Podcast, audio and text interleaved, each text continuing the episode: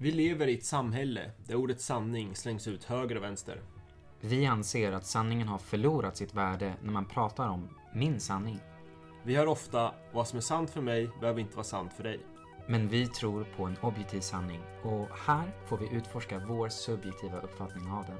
Välkommen till Sanningsprojektet.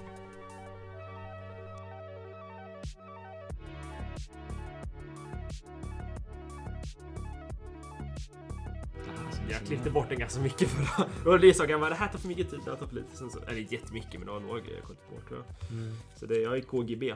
Bara så ni vet det. Om ni är med någon gång så kommer jag klippa bort allt det ni säger också. Så. KGB, förklara. Sovjetunionen. Ja. Karachekharbob heter det. Nej, jag har ingen aning. Underrättelsetjänsten i Ryssland. Ja, ehm, det här kanske jag också klipper bort. Vi får se vad som är kvar och inte kvar. Det är lite så trimma ner. Men ehm, idag så ska vi snacka om, eller ja, nu ska vi snacka om... Men, men nu, först, allra först, så kommer vi säga en annan, helt annan sak. Eller gör vi det? Men vad ska vi säga tänker du? Ja, egentligen så har vi faktiskt ett intro. Ja, ja, det har vi. Ehm, eller ja, vi har ett bättre intro kan man säga. Det fanns ett intro som var kortfattat. Men eh, intro no the less. Men nu har vi ett eh, mycket bättre intro. Så ehm, ja, om du lyssnar nu så behöver du inte lyssna på gamla avsnitt så slipper du höra. Nej. Vi, vi kommer göra som man alltid gör. Man tar bort och gör om och lägger om och aldrig nämner det igen. Så, Ja, eller hur? Eller förutom redigera. nu. Ja, exakt. Kommer klippa upp det här igen. Ta bort, redigera, göra. Ja. Men det här avsnittet, vad... Vi har gått in på lite berört bara. Finns det en objektiv sanning? Ja. Eh, men vi tror på det. Mm. Ehm, och, Ja, exakt. Jag skulle säga att det här är vårt första riktiga avsnitt där vi ja, faktiskt på riktigt försöker ta upp eh, något typ av område där vi faktiskt har kollat upp lite och sen snackar. Eller ja, kollat upp men vi har lite material som vi tar utifrån och går fram och tillbaka med. precis. Och det här är något eh, som jag också har läst på lite mer om. Och Mm. det är om moral. Mm. Och lite grann problemet som uppstår när man ska tänka alltså på ett moraliskt eller etiskt sätt när man inte kan stå på en eh, objektiv sanning. Mm. Ehm, för ja, men jag tänkte att alla livsåskådningar eh, försöker svara på dessa fyra frågor. Mm. Om att, eh, ja, men ursprung, vart Mm. kommer jag ifrån? Mening, syfte, Mm. varför är jag här? Mm. Moral, hur ska jag leva? Mm. Och mål eller destination, alltså vart någonstans är jag på Mm. väg här? Och då, ja, men vi dyker in lite grann mer på moral. Eh, Ja. Hur ska vi leva för någonstans? För alla tänker ju på det på något sätt ändå. Men var, hur ska jag bemöta andra människor? Hur ska jag vara Mm. här kring världen? Och alla har ju kommit i kontakt med det på sätt vad man tycker. Alltså antingen, det är lite som man snackar om teologi med kristna och så, att antingen så har man en oreflekterad teologi eller så har man reflekterad teologi. Alla har ju någon idé, i alla fall om man är kristen, kring Gud. Eller ja, kring Gud där, vi tror. Men alla har, alla har ju egentligen någon form av annan teologi, sekulär teologi då. Kanske vem Gud skulle kunna vara. Precis. Eh, Så antingen är det oreflekterad eller oreflekterad. Ehm, Och i det här också med moral så kommer vi också, vi kommer inte snacka kanske mycket specifika casehandlingar så, utan mer också grund... Ja men hur, hur ens ska man se på moral? Hur ens ska man jämföra vad är en, vad är bra moral och dålig moral på något sätt? precis med, Eller vad här, bygger på det liksom? med de här case, eller typ ett eh, case, tänker Mm. du tillbaka typ på skolan när det var att det här är ett etiskt problem och att eh, Ja, vi har inte haft så mycket, men vi har haft någon gång. Men det, det är inte så jag menar. Jag menar mer att någon gång kan man fastna på, men är det är det fel om man skjuter någon på ett sånt här sätt eller så här? Liksom, är det fel att en polis sköter den här personen i den här situationen? Och då blir det en, ett specifik händelse där man talar om eh, olika, alltså man utgår från vad som är rätt eller fel. Vi kommer mer diskutera varför ens ska man tycka att det här är rätt eller fel. Alltså själva grundbulten till hur man jämför världen, hur man ser moral. ja men finns det någonting som är rätt eller fel? Ja, det, det kommer vi svara på. Nej, kommer ge alla svar där. Nej, men... Eh, För det utgår ju ifrån att det finns en moral. Alltså någonting är alltid rätt. ja. Någonting är alltid fel. Eller Mm. David, om jag frågar dig. Finns det någonting som är alltid fel oavsett vad? Eller finns det någonting som alltid är rätt? Ja, det var faktiskt en bra fråga där. Jag tror ju att väldigt mycket blir ju kontextfokuserat. Man måste ju förstå kontexten för att förstå beslut också. Men jag tror Mm. att Um, jag tror liksom den, ja, det, det är som mycket man säger i kyrkan eller mycket man säger i kristna tron, men det är ju att eller egentligen faktiskt inte säger så mycket, men så mycket jag tänkte att det handlar inte så mycket om exakt vad du gör, utan det handlar om ditt syfte bakom det. Det handlar om vad din, eh, vad, vad det mening eller din intent är med det. Och det avgör själva handlingen. Och det tror jag, det är där som jag tycker är snäppet skillnad från sekulär eller världslig syn där det är konsekvensen som händer, det är det som är viktiga. Att det viktiga är inte liksom exakt hur du tänker om det eller vad du tycker. Så länge du gör något gott så är det gott liksom. Men jag ser, för mig i alla fall tycker jag att, att det där Jesus tar upp och det jag själv ser där är att det där med att ja, men om du kollar på en kvinna med liksom begär så har du redan syndat. Alltså om du redan tänker tanken så har du redan gjort det. Vilket är ett jättestort dilemma om man gör det för då, då vissa, en del blir det så att ja men då Mm. Då är jag konstant liksom i det där. Men, men det är också något sätt en reminder att det är våra tankar först som gör det. Det är när vi får bestämda tankar, bestämmer tankar som vi faktiskt... Det är det som gör oss, för oss till handlingen till slut. Just det, för att du har aldrig gjort någonting som du inte tidigare har tänkt om. Nej, exakt. All, allting grundar sig i tankar kan man säga. Mm. Um, ja, och um, vi kan ju egentligen, alltså jag tycker det är en intressant ingång, för det är inte det jag tänkte skulle komma in i exakta hållet. Men, men, men det är ju det som jag skulle säga är den största skillnaden, det som är svårt att snacka om. För att finns typ Immanuel Kant, en filosof på 1700-talet, han tar ju upp, jag glömmer hans, eh, han har ett namn på i alla fall, cathorical ethics eller något sånt där han kallar sånt. Men han tar ju upp... Kategorisk etik? Ja men något sånt där. Jag ska kolla här, jag faktiskt har det tror jag. Ja, men, ja exakt, categorical imperative kallar han det. Och då är det liksom att om du gör en handling med rätt tanke och rätt eh, rätt sak som baseras på respekt för andra, att det alltså universellt kan funka för alla och du inte tvingar någon till handlingen så är det gott. Men samtidigt, jag tror att det intressanta här blir att det här är typ en sekulär syn på liksom det jag sa om Jesus tron och liksom med tanken och det. Men jag tror nästan att, att på något sätt är det nästan för lätt för det där också att bli för liberal. Jag menar, i dagens läge så tänker vi så mycket att vi har blivit så raffinerade som människor. Liksom, vi, vi slogs med tyskarna, vi vann över dem. Vi har liksom, nu har vi, vi har mandat på att vi är goda och har, gör mänskliga rättigheter. Men desto mer jag ser mig omkring i världen och desto mer jag... Alltså desto mer disillusionerad känner jag mig, desto mer... Ja, men jag vet inte, jag känner mig kritisk, irriterad och jag känner mm. förakt för den ignoransen vi har ibland. Att vi kan bara tänka att konsekvensen är det enda som är viktigt. Det som, och nästan, jag skulle nästan säga att i dagens läge så är det inte ens konsekvensen utan det är vad konsekvensen ser ut som det handlar om. Det handlar inte om liksom, om du gör någonting illa mot en person utan det handlar om vad det framstod som hände egentligen. Eh, och det tror jag mycket med dagens med sociala medier och hur vi liksom har så mycket fokus på status och det som händer och så det ser ut. Så, eh, så har det drivit på det vidare. Eh, och det här, det här är min tanke och det här är liksom det, det jag någonstans i mina tankar med det här. Att jag tycker att mer och mer ser man det där med att mm. moral nästan blir mer och mer avkopplat från någon typ av något som är viktigt till mer och mer någonting som bara ska framstå som något annat istället. Mm. Ehm, mm. Men eh, vad var det? Immanuel Kant han skrev också med andra konsekvenstänket med etik. Nej, det är inte han som har skrivit det. Men, det? men de andra är 1700-talsfilosofer också. Jag tror David Hume är med och lite andra. Eh, jag tänker inte koppla dem exakt till vem som är vem, för det vet jag inte. Det är någon sån konstig eh, memory. Men, men eh, det finns då liksom, det här är i alla fall ganska basic, men, men oftast när man snackar finns det tre olika typer då som är etisk egoism, etisk altruism och utilitarism. Ja, utilitarism, något sånt. Det är svårt att säga det ordet faktiskt. Utilitarism. Uti, ut, ut, utilitarism! Känner jag inte kan tala längre. Um, men, men det här liksom så här utilitarismen är det som man mest vet om och det är den klassiska, det nästan står i Bibeln faktiskt till viss del. Att eh, behandla andra som du själv är behandlad eller liksom eh, eller ja, men den där tanken liksom att, att göra rätt för alla. Att om, om du kan göra, om du kan, om alla gynnas i handlingen så är det bra. Ja. Men om, om man kollar på de andra mm. så står det att etisk egoism, det är alltså mm. om en gärning är bra för dig, då ja. är den etisk. Ja. Och etisk altruism är om en gärning är bra för andra, Ja. Då är den etisk. Och den här utilitarism. Utilitarism. Säg det tre gånger snabbt. Ut ja, du, det blir värre och värre varje gång man säger det. Om en gärning är bra för alla, då är den etisk. Ja. Precis. Och... Eh, Jag tror, min, min tes, här kommer min tes. Vi, vi är uppväxta och sen typ efter men jag tror faktiskt efter andra världskriget och liksom den tiden när man såg ganska svår konflikt och så. Så fokuserar man mycket på utilitarismen. Det skulle vara liksom så här, arbetarklassen skulle få sina rättigheter.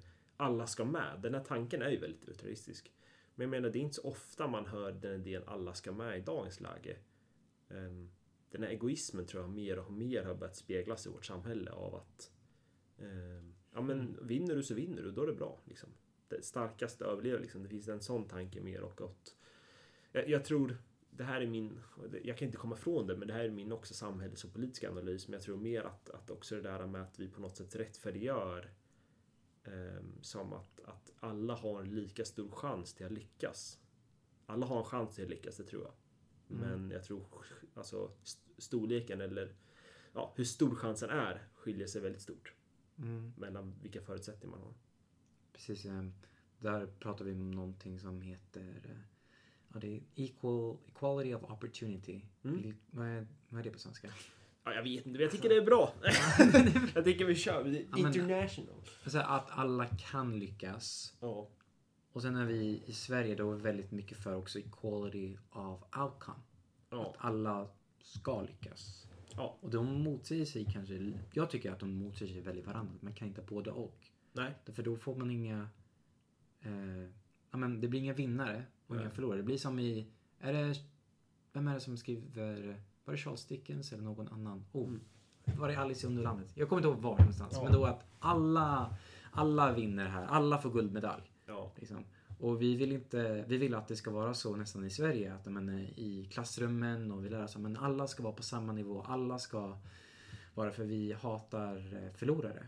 Vi vill inte att samhället ska ha några förlorare Mm. på sånt sätt. Och då skapar vi en förutsättning. Men då, men då ska ingen ska känna sig att de är- ska vara de som förlorat och då ska vi inte ha några som, som vinner.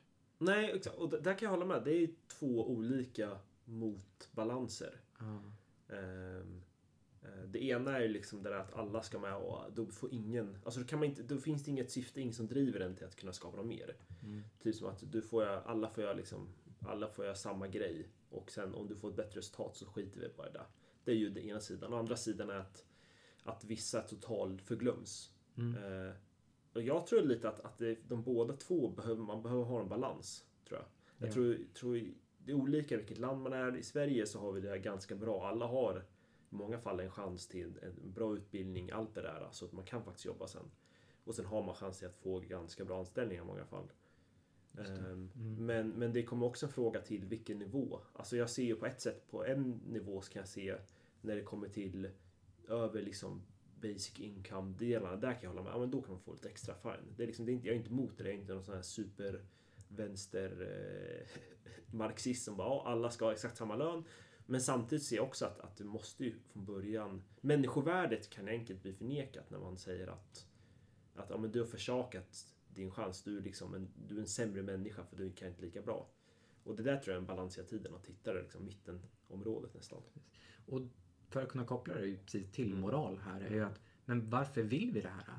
Vart, Mm. var kommer den här viljan någonstans ifrån? Att vi vill att alla ska lyckas. Vi vill att vi, men vad, vad är det som säger till dig att alla har, ska kunna få den här möjligheten till det? Vem är det som... Ja, exakt. sagt Vad, det? vad sig Eller ja, vem har sagt det? Man kan nästan säga, vad, vad är det som... Alltså, vad är det som driver en till att, att se det så eller verkligen tro det? Till exempel de här med olika etiska Ja. sakerna. Men vem är det som säger att det är mest rätt att eh, om en gärning är bra för alla, då är den etisk? Ja. Um, var det någonting som vi kom på eller? Ja, alltså...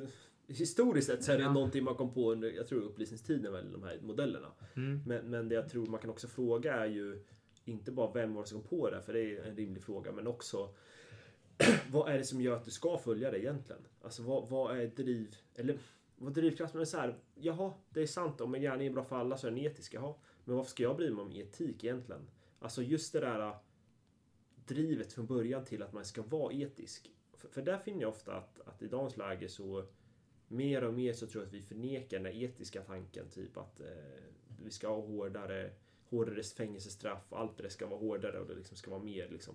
Mm. Det ska liksom vara, inte hårdare kanske fängelsestraff men mer det där eh, ehm, ja, att det ska alltid vara rätt enligt oss och alltid ska vara rätt för oss. Det drivs ju ut av att vi inte ser någon typ av lojalitet till något annat koncept än oss själva. Alltså det jag finner problem med ultralismen också är ju att, att det finns ju ingenting som säger varför det ska vara så egentligen. Varför ska alla ha det lika bra? Till exempel Ja. en rätt så känsligt ämne i flyktingfrågan. Ja, Ja, men, vad ska vi göra där? Varför ska vi ta in mer? Varför skulle vi utvisa ja, vissa personer? ja, Och så. Till exempel våra lag är ju ja, baserat på vadå för någonting? ja. Och det där tycker jag, det där tycker jag är jätteintressant att tar upp det. För att jag har mer och mer så har jag en tanke med att, att flyktingfrågan, alltså immigrationen behöver ju faktiskt Uh, alltså nu, jag vet att det är känsligt vatten om man säger så här, men jag tror att vi behöver arbeta med eh, bättre sätt att ta in, men samtidigt bättre sätt att hjälpa på plats och så. Så vi måste arbeta också från de resurser där vi har. Men samtidigt så håller jag med där att till exempel jag menar egentligen helt moraliskt, och det här är kanske hårt att säga, men, men det finns ju ingenting egentligen i ett mänskligt som säger att alla människor har lika värde. Alltså typ så här, nazismen var ingen unik grej som kom på 40-talet. Alltså nazistiska tankar har ju funnits ända sedan typ, ja men alltså mycket av de grejerna kommer ju allt från typ så här Unipasad-tänker liksom i Indien med hinduismen. Där liksom Mm. vissa framstår som bättre och vissa inte. Alltså det finns till exempel i, jag vet inte vilka helt men alla de där till och med så här ehm, ehm, Med Språk. Just det. Med kastsystemen. Ja, eller? kastsystem exakt. Det är så. Ja, exakt. ja, men det var bra att du klarade det. Exakt, kastsystem där vissa människor har ett större värde än andra. Ja. Alltså så här, du, du kom till mig och säg hur mycket du älskar mänskliga rättigheter och alla är lika mycket värda. Men jag frågar varför. Har du ett svar till det då egentligen? Ja. Och det där tror att den kristna tank, alltså den kristna tron är total skillnad från många andra. Samtidigt som det finns, det finns andra religioner också som säger att alla är, alla är skapade av Gud och då blir det så här att de är skapade av Gud. Men jag tror att den kristna tron med fokuset på kärlek. Mm, Att jag älskar Gud därför jag älskar dig och för att jag älskar min nästa för att liksom, det precis. urs, du har ett ursprung där. Och då blir svaret varje gång man ställer frågan varför kommer tillbaka till den gudstron. För att, men jag fick en tanke att, Mm. säg talet som Stefan Löfven, Mm. tror jag var, sa, men vi behöver öppna våra hjärtan. Vi behöver släppa in människorna. Ja, Eh, och ja, men jag håller ju med. Ja, vi behöver som Sverige men, öppna våra hjärtan för människor. Vi behöver vara Mm. faktiskt så. Men varför? Jo men det är egentligen i kristna värderingar, ser jag. Mm. Anser jag. Alltså, Mm. det, det ligger så grundat i eh, faktiskt våra kristna tro. Men vi ska behandla andra så som vi vill att andra ska behandla oss. ja, Älska din nästa så som dig själv. Mm. Och där tycker jag att ja, men, ateistisk livsåskådning med tanke på ja, men, att vi kan ha utvecklat det här från en ja, men, evolution och så. Att Mm. på ett sätt att religion är skapat från ett evolutionärt perspektiv för Mm. att vi ska kunna ha moral. ja, Men jag, jag, jag ser att det, det inte riktigt går ihop. För att, ja men, varför? ja. Ja, exakt. Och jag tänker också när du tar upp det där med Stefan Löfvens tal, om vi ska ta det. Alltså, det, det jag finner störande med Stefan Löfven då är liksom att, att det, han höll inte det. Mm. Han visste mycket väl att det inte skulle hållas, troligt, hållas troligtvis. Han, han, jag tror inte att han var så omedveten att det skulle inte gå att hålla det. Utan jag tror att han valde att ta det som verkade bra.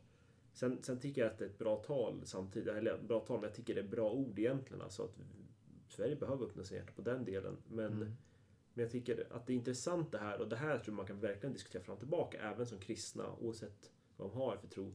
Så är det liksom hur man älskar. Alltså är svaret då Alltså för, för att i ett rent ekonomiskt perspektiv, alltså skulle vi ha en, en supermassinvandring, då skulle man kunna sätta in ett supersystem av arbete där man typ gjorde ett ja, men, ekonomisk arbetsläger där företag hade liksom sina lågarbetare, liksom så här, lågavlönade flyktingarbetare. Det var det jätteekonomiskt för företag, jättebra inkomst där. Jätteomoraliskt. Ja, Det jag menar, och det här tycker jag är så intressant för att att när man snackar också om som en fråga som flyktingfrågan, där, där jag verkligen ser det är människoliv det där. Eh, Det är faktiskt riktiga människor. Det är inte bara liksom någon som existerar någon annanstans i ett vakuum, utan det är en riktig människa som håller, faktiskt håller på att dö.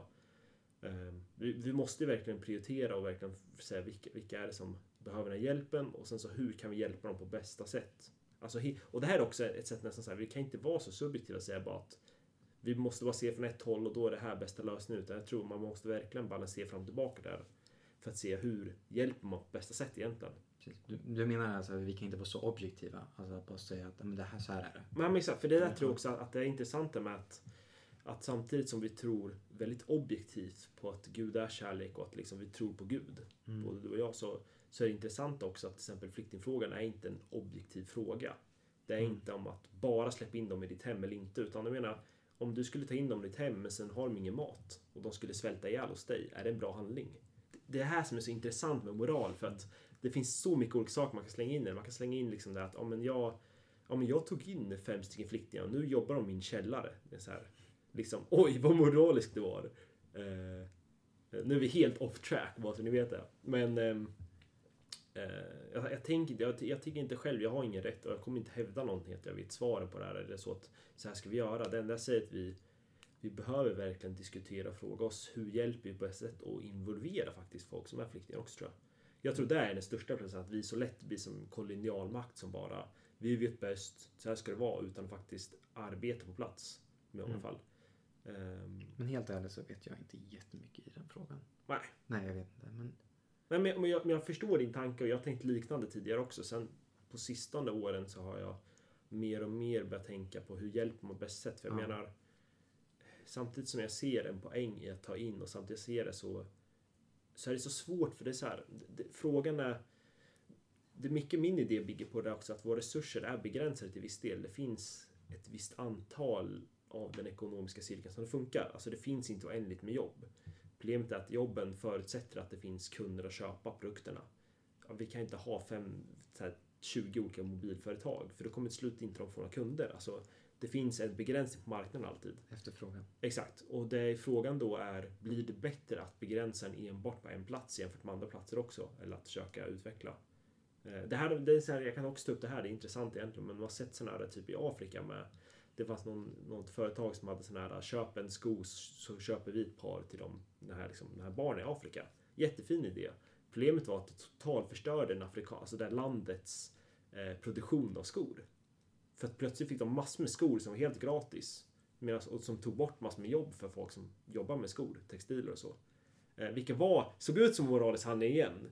Men konsekvensen blev omoralisk på ett sätt. Mm. Eh, och det där tycker jag också att, att den kristna tron, alltså kristna tron snackar inte så mycket om det, men alltså den lyfter inte bort det konsekvenstanket heller. För att eh, konsekvensen av en tanke, om du är medveten vad det kommer bli, alltså då vet du redan om det. Då har du redan, om jag vet om att om jag gör det här som ser bra ut, men sen leder det till att det blir jättedåliga effekter av det, då är det också en omoralisk handling till viss del. Så. Precis. Ja. Du nämnde tidigare om eh, Sören Kierkegaard, Kierkegaard. ja exakt. Eh, ja, jag kan väl, för, för mig blev det en bra förståelse på hur jag kan kategorisera mitt tänkande. Det här är en filosof, så att, och som alla filosofer så är det liksom man, får, man behöver inte ta dem på en nypa salt, men man behöver se det som att det inte är vetenskap på något sätt egentligen helt. Eller ja, det här är en lång diskussion om det är vetenskap eller inte. Helt ärligt, det finns till och med faktiskt en, så här med universitet och så, hur det utvecklades och så. För det var, filosofi var en av de första inriktningarna som var med faktiskt. Men, men, men eh, ja, man ska, man ska ta det för att det är någon, en, en teori och en, eller ja, en modell man kan använda. Men då, där han delar upp i eh, estetik, estetiskt och religiöst. Alltså att människor har olika drivkrafter och de tre är de liksom överhängande kan man säga. Men, vänta, estetisk, etisk Etisk, exakt. Ja, och sen religiöst. religiöst. Ja. Vad är de här tre? Eh, estetisk är då att man är ute efter, ja men, man är ute efter njutning efter det som är trevligt i livet. Liksom. Jag är ute efter bara Så- dricka bärs på krogen och käka god mat och åka på resor. Alltså, det, det är ganska vardagliga i vårt samhälle. Faktiskt. Så det är alla esteter alltså? Exakt, det, exakt det här. Han, han var före med det. Så alla som går liksom läser estet på skolan också, nu vet ni vilka ni är. Så. Det lever för det. Men det är nästan lite kopplat med hedonism. Ja, det är det. Det är ju djupt kopplat. Det är det som är tanken också. Att det är liksom folk som liksom ser det som den största drivkraften, den största kategorin. På något sätt. Som, som det som liksom är drivkraften till vad man lever för eller vad man gör liv för. För jag har en, eh, en vän, eller Mm. som jag kunde prata med tidigare, och, om just livsåskådning, tro och sånt. Mm. Och vi hade helt annorlunda Mm. tänk. Och jag, jag älskade bara kunna prata med honom om olika saker. Och han svarade oftast på när jag bara pratade om såna här moraliska frågor och vad som är rätt och fel eller så, Mm. hur han tänkte så eh, sa han whatever floats your boat. Mm. Ja, men eh, vad är det som får dig att känna och må bra? Mm. Eh, gör det. Jag, jag vill inte lägga mig i det. Mm. Och, så. och det är grundtanken i är ju där hedonism. Mm. Alltså så här, vad är det som får dig ett lyckopiller? En, Ja. eh, så. Och när jag läste på eh, i en annan bok om just hedonism Mm. Så sa "Ja, men om man verkligen har det som grund att tänka tillbaka på, "Ja, men det är där jag får min moral ifrån. Mm. Men vad är det som, vad, är det, vad, vad som får dig att må bra David? Gör det. Mm. Jag, jag ska inte lägga mig i att säga men det här ska styra och så här. Utan nej, men vad som får, må, får dig att må bra vad som Ja. får mig att må bra. Det är helt enkelt det. Ja. Varför pluggar inte du, du dig in i en simulation där du får uppleva alla de här känslorna? Alla de här bara wow! Så här. Mm. Du kan bara göra det. Mm. Och sen så pluggar du, behöver inte plugga ur den här äh, känslomaskinen. Nej. Verkligen. För det, det funkar inte. Nej. Eh, jag, jag ser det, det är helt ohållbart egentligen. Eh, den, den tanken alltså. Men vad, är det som... Ja, alltså problemet är att den, den... Livet är... Det finns smärta i livet. Mm. Ja. Men den är inte, alltså jag tycker samtidigt, visst om man inte ser, om det inte finns någon högre makt, det finns inget eh, inget större på något sätt, eller hur ska man säga det, liksom, det finns inget annat som står över. Alltså då, hedonismen blir ganska logisk. Ja, men om, om det inte finns, varför inte ha kul? Det är lite YOLO-citat i Only Live Once. Liksom så här. Varför inte YOLO då? Om du bara lever en gång. Mm. Eh, vilket som är jättelogiskt utifrån ett väldigt så här. Vad får jag ut? Vad, vad gör jag liksom av det? Men, men som vi säger nu liksom i slutändan, det blir väldigt svårt. Och jag tycker själv det är svårt. Det är svårt till exempel argumentera med någon som är heroinmissbrukare och säga varför det är fel. Ja, men du kan säga att det här är dåligt och det skadar familj och så. Men om han är helt utsluten, alltså han inte har någon koppling till familj, han lever sitt liv och han, han sprutar, alltså, okej, heroin är ganska grovt, men eh, Men säg drog. Alltså, Ja, något Marianne eller vad som är som är lite lä- lättare så. Varför gör han fel egentligen? Skulle du kunna säga varför jag är fel? Jo, men han följer ju inte systemet och så. Jo, men, men det är ju bara för att varför följer du systemet? Jo, men det är för att det liksom hjälper dig. Men vad händer om systemet skulle vara jätteomoraliskt men det skulle ge, ge, alltså gynna dig?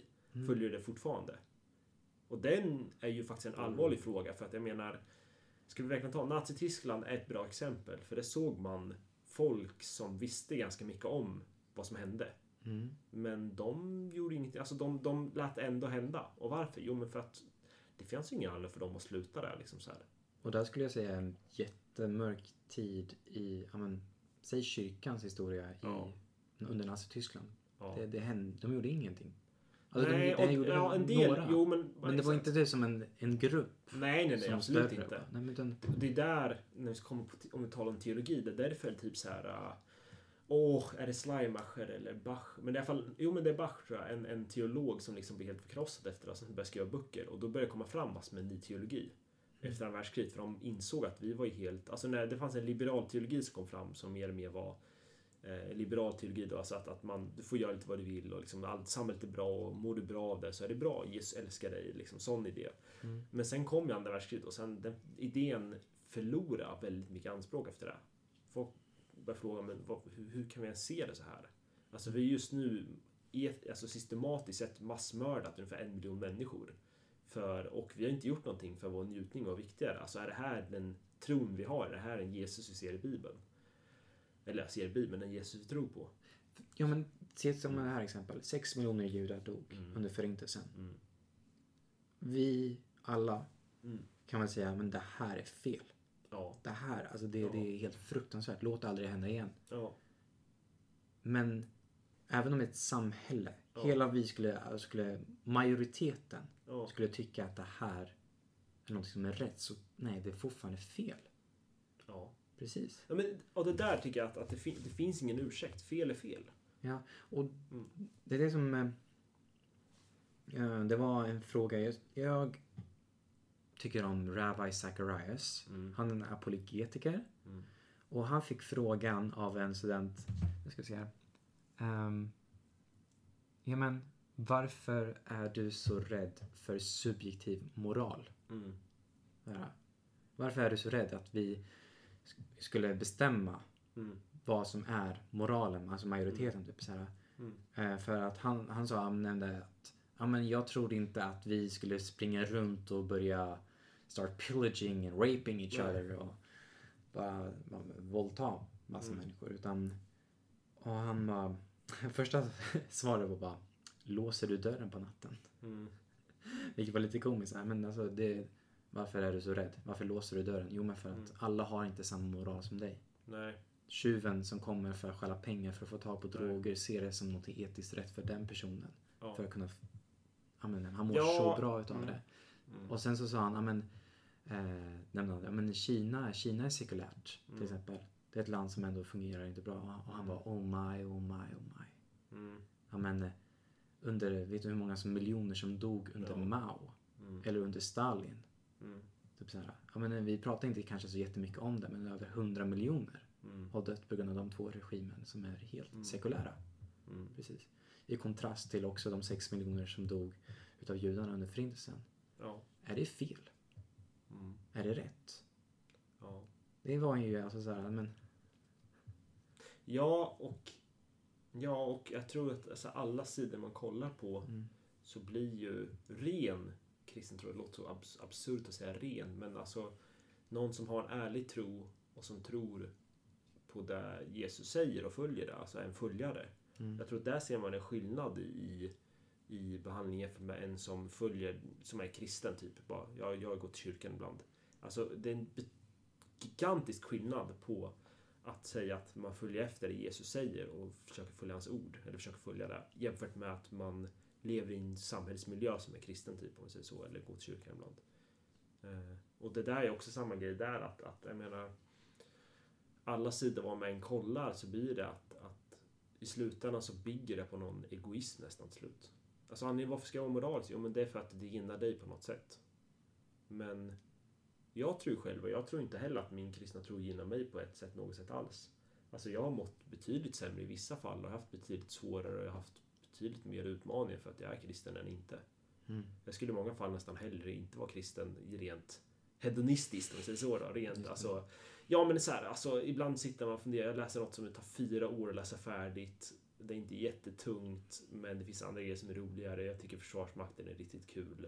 Jag skulle kunna tänka mig att jobba fulltid. Alltså sådana grejer som, det här vore mer nice för mig. Mm. Men min tro till Gud och att han leder mig gör att det, jag ångrar aldrig det. Och det är inte, jag, jag, alltså så här, jag är helt ärlig när jag säger det här. Jag bryr mig inte på ett sätt om himlen är sann eller inte egentligen ens för det här. För att jag, jag kan aldrig, jag kan inte se mig i ett annat val än för... nu ska man komma in. Ja, jag, jag ser inte mig kunna göra ett annat val heller än att följa i slutändan för att Alltså det är det som är så fundamentalt annorlunda med tro. Att en tron är liksom så här, ja men jag ser inte någon annan mening med något annat egentligen ens. Jag ser Mm. ingenting som ska säga att det här är mer meningsfullt att göra för att jag menar det jag tror är att Gud har skapat mig och Gud känner mig att Gud har skapat mig syfte och allt det där men man skulle kunna säga att det är egoistiskt för att vinna någonting på det men jag har förlorat mer än jag vunnit på det i vissa fall och i vissa fall har jag vunnit mer. Ja, Men det jag vinner är någonting som jag ser så betydligt mycket större. Ja. precis. Nej men eh, det är det är samma här. Jag är inte troende eh, för att det gynnade mig. Nej. Utan det är för att jag har upp, fått uppleva någonting Ja. och um, det är sant. Alltså så här, det, Ja. det, det är liksom, jag kan inte förneka det. Nej. Det, är- det är liksom... ehm, jag är en sanningssökare. Mm. Jag, jag har inte råd med Nej. att leva ett liv där jag vet att någonting har hänt. Mm. Och sen bara, nej men det här vill jag inte ha för att det här, jag tycker inte om det här. Nej. Nej men om det, är, om det är någonting som har hänt och det är sant. Mm. Nej men då måste jag ha det oavsett om jag gillar det eller inte. Och anpassa mig efter det. Ja. Till exempel, det- skulle vara som att köra på en väg. Mm. Eh, jag vill att den ska vara rak. rak. Mm. Då kommer en kurva. Nej, jag, jag vill köra rakt fram. Mm. Vad händer? Du, du kraschar Ja. rakt fram. Ja. För att ja, men vägen svänger faktiskt till höger. Nej men du, jag anser att eh, den här vägen faktiskt svänger vänster. Mm. Så jag tänkte att det är så här fyra, fem, fyra andra personer, fyra andra röster som säger till dig hur du ska, egentligen ska köra din, den här bilen och du ser hur vägen går och du bara Ja. ah. ja, men alltså så här. Du är ju sanningssökare. Ja, jo. Det skulle jag verkligen Och säga. jag säger att det finns ett pris för det och sanningen, Ja. sanning, priset är att du inte är ignorant längre och det är i vissa fall glatt, men i vissa fall smärtsamt. Jag skulle säga så här, det finns en film som nyligen, Risk från 85, svinbra film. Come and see heter den. Det är den mest brutala film jag sett som är som en dokumentär i sig själv, hur den är filmad. Ja, men jag tror att den är, förlåt. Men, men som är filmad som en dokumentär ungefär. Men jag menar, för mig, alltså mer och mer känner jag mig mer och mer arg och irriterad på hur vi bara bajsar på ordet sanning som att det är någonting vi kan utnyttja när vi tycker det och inte kan utnyttja när vi inte tycker det. Alltså Mm. fel är fel. Mm. Att oavsett om du kommer få dö eller inte, om du tycker, alltså så här, om du hade stått upp mot nazismen och fått dö. Jaha, hur, alltså så här. I don't give a shit om du kommer få dö eller inte. Gör det som är rätt oavsett. Alltså konsekvenserna, det finns ingen ursäkt. Mm. Det finns ingen ursäkt för att se förtryck hända. Det finns ingen ursäkt för att se folk få lida och sen inte göra någonting åt det. Det finns, det finns kontexter och det finns sammanhang där man kanske inte kan göra någonting. Men om du kan göra någonting så finns det ingen ursäkt. Och jag menar, ska vi vara helt ärliga, alltså vi har inte heller någon ursäkt till viss del. Fast vi kan inte göra så mycket, så det är en annan grej också. Vi kan inte göra så mycket. Men vi har ingen ursäkt sen att säga att, ja men, jag köpte massor med kläder från företag som typ använder barnarbete typ i Sydkorea, eller inte Sydkorea men typ i Thailand eller Östasien. Ja. Och sådana länder vi hör om, där vi vet att det är sweatshops. Alltså om vi skulle arbeta med företag och ta in, alltså det finns ingen ursäkt sen kan säga, ja men, ja men du vet jag är tvungen att ha ett jobb och så liksom så här. Ibland så finns det omständigheter som gör att man kanske ska göra någonting och där kan man diskutera. Men det går inte att förhålla sig bara som att Alltså man, alla kommer ursäkta sig i slutändan. Ja. Det är min rant. Det är dagens rant var det. Dagens rant, känner dig irriterad, arg? Eller? Ja, föraktande mot... Nej, men jag blir så, blir så trött bara på att man kan... Alltså så här, om Ja. någonting är sant, då är det värt att ta reda på. För vad gör det med ditt liv annars? Alltså då kan ju du... Mm. Köp heroin och börja med heroin då. Alltså Ja. för att om det inte finns något syfte, what's the point in trying? Precis, och jag tror att en av de största, inte största, men en av de lite jobbigare lögnerna som jag stött på Ja. är ignorance is bliss. ja. Jag bara nej, ignorance Nej. isn't bliss. Om, Det är tillfälligt bliss är det. ja, Tills man inser att det här håller på att förstöra mitt liv. ja men typ eller hur eh, ofta var det inte jag sopades undan saker under mattan för att det var Ja. lite jobbigt att tänka på. Bara, nej, Men det, det kommer tillbaka förr eller senare, all skit som du inte har hanterat eller kommit upp i ditt liv. Och det är någonting jag jättegärna pratar med om ett annat avsnitt och så. Ja. Eh, och så. Men Ja, nu har vi i alla fall fått exakt. beröra mer med moral, Ja. etik, Ja. varför vi gör våra beslut och vad vi gör. Och jag tänkte att dig som lyssnar, alltså kom gärna med förslag på saker som du vill. Att Ja. eh, jag och David, vi, vad ska vi prata om? Ehm, är det någonting, några frågor som har rörts upp under det här podcasten, det här avsnittet? Så ja, Och hur, hur har vi fel? Kommentera också det gärna. ja jättegärna. Men, där, men eh, ja, exakt. Vi tänker lite och funderar lite och det här vi säger det är ju liksom det är ju ingenting som är helt färdigt. Även om jag tror att vi kommer hålla oss i framtiden och jag tror vi aldrig kommer sluta hävda vissa grejer när vi hävdar så, så samtidigt tror jag väl att det det är liksom ett upptäckande, det är det ju. Precis. Mm. Så det är både, på ett sätt är det två resor som vi gör nu. Ja, En upptäckande av vad tänker vi egentligen om sanning? ja, Och också att den resan att vi, det är första gången vi gör en podcast. ja det är det. faktiskt. Eh, Ja. Hur gör vi det?